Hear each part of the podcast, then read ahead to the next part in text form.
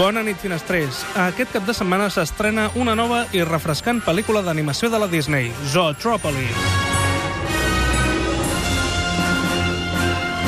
Una buddy movie amb animals antropomòrfics en la que una conilla de poble que es fa policia a la gran ciutat necessitarà l'ajut d'una guineu molt espavilada que coneix molt bé els baixos fons per resoldre un cas ben complicat.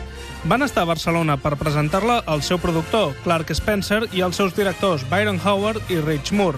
No és habitual que tots uns creadors de la Disney es deixin caure per Catalunya, així que era una gran oportunitat per conèixer detalls d'una pel·lícula gamberra i molt entretinguda, que s'allunya molt dels convencionalismes de la Disney. La idea de recuperar la figura dels animals parlants clàssics de la Disney va ser del director Byron Howard. El productor Clark Spencer ens explica quin era el principal referent que tenia en ment el director quan se li va ocórrer la idea d'una guineu molt astuta. Una pel·lícula que adoro i que al meu entendre està una mica oblidada dins de l'escala de la Disney. Hace muchos, muchos años el rey Ricardo de Inglaterra partió hacia Tierra Santa en una guerra de cruzadas. Durante su ausencia, su malvado hermano, el príncipe Juan, usurpó el trono. El pueblo depositó su única esperanza en Robin Hood, quien robaba a los ricos para ayudar a los pobres. Ha habido muchas leyendas y cuentos acerca de Robin Hood, y todos diferentes. Cuando Brian Byron Howard, uno de los directores, creó esta película, con, y se John Lasseter, el director de, creativos, dijo, quiero volver a esas uh, grandes películas de animales parlantes de Disney, como Bambi, Dumbo, El libro de la selva, El rey león y Robin Hood que es una de las favoritas de Byron. Y a John le encantó esa idea, la idea de volver a, a esas películas de animales parlantes. Y dijo, quiero que hagáis una película de animales que hablan que nadie haya visto antes. Hemos de pensar de forma distinta, no tan solo hacer lo que se ha hecho antes. Y creo que esto nos abrió los ojos a una idea mucho mayor de, de poder crear todo un mundo creado por animales, no por humanos, creando, como digo, una historia que pudiera funcionar tanto para adultos como para niños.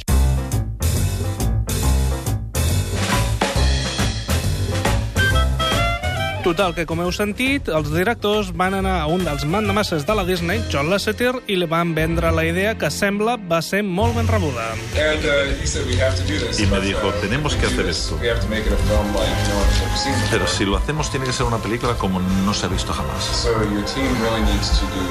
Por lo tanto, tu equipo tiene que hacer mucha investigación, mucha documentación. Y estuvimos ocho o nueve meses estudiando los animales en profundidad.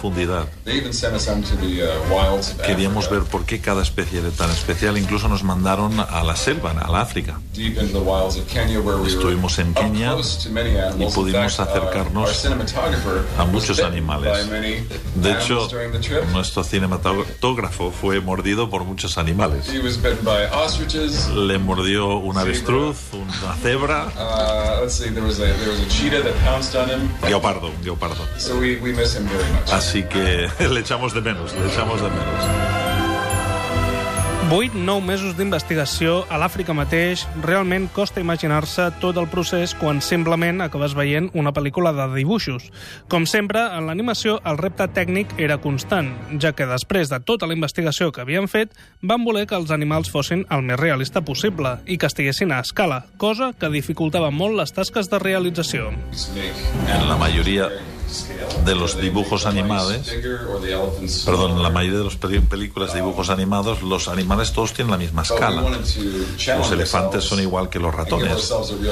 Y nos, nosotros quisimos imponernos una, un problema al hacer que fuese todo a escala. O sea, un elefa elefante pues mide de 3 metros uh, y esto nos causa problemas como cineastas porque entonces tenemos que comparar eso con un pequeño ratón que tiene su escala real. Pero ahí se encuentra la diversión de la vida, de, de, de, ese mundo, de que algo que funciona y que poco a poco pues ha funcionado gracias a la evolución.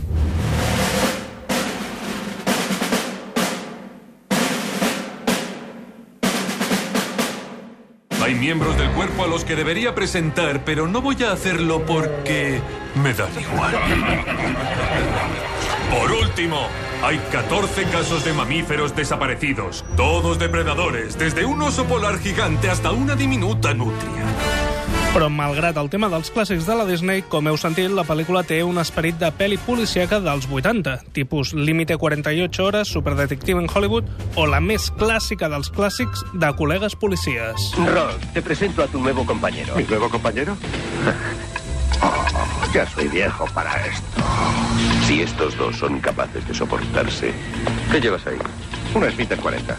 Muchas carrozas llevan de esas. La gente de Lampa está perdida. Arma letal. Els directors, compreu aquesta comparació? Arma letal, pel·lis dels 80? I think it's a good way. You know, there's a lot creo. of kids that Bueno, hay were, muchos niños that weren't alive during that time que no, enjoy that stuff. no habían so nacido cuando it's a nice salieron esas películas. Por lo like, tanto, es una buena manera de compartir you know, algunas de esas convenciones con, con Um, la nueva generación, Because we loved those movies. porque nos encantaban esas películas. were young, you know, people when those came out. Éramos jóvenes cuando, cuando salieron. Y desde luego son las películas um, quintesenciales so de, de los colegas polis. To, to, to study just the rhythms and the conventions. Y hemos, of those hemos visto esas películas para estudiar sus ritmos, por qué funcionan, cuáles son las convenciones. Y yo creo que la gente vuelve una y otra vez a ese tipo de película porque son buenas historias de aventuras. Y, y porque en, en nuestro mundo contemporáneo, pues podemos dar esas aventuras y decir, esto es lo que representan los mejores policías, los policías que quieren ayudar a la gente. Y entonces es curioso cuando descubren el lado más oscuro, más oculto de la ciudad. Estranyament, Zootropolis eh, té una vigència molt actual en temes polèmics. En ella, els depredadors reben el rebuig de la societat i els governs fan servir la política de la por per tal d'aconseguir vots. Sembla increïble, però malgrat estar presentant una pel·lícula de la Disney, no van poder evitar parlar de racisme, del jihadisme o de Donald Trump.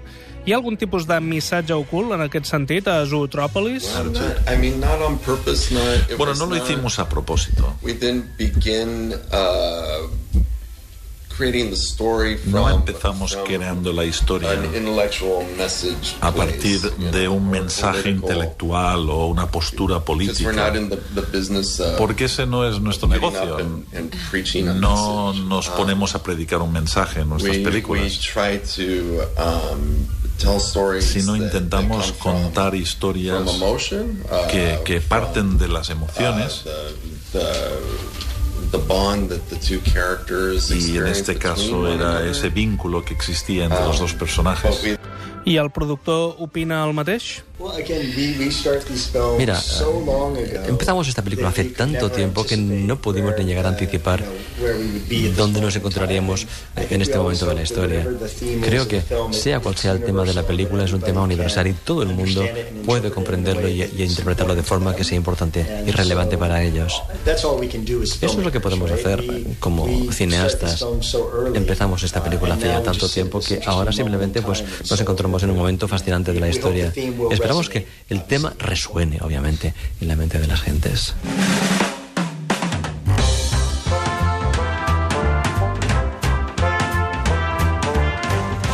Normalment la Disney estrena els seus films a l'estiu o al Nadal. És una novetat per a ells estrenar una pel·lícula al febrer, però és que l'agenda estava molt ocupada. Pixar había hecho dos películas, Inside Out y Good Dinosaurs. Por tanto, esto era película navideña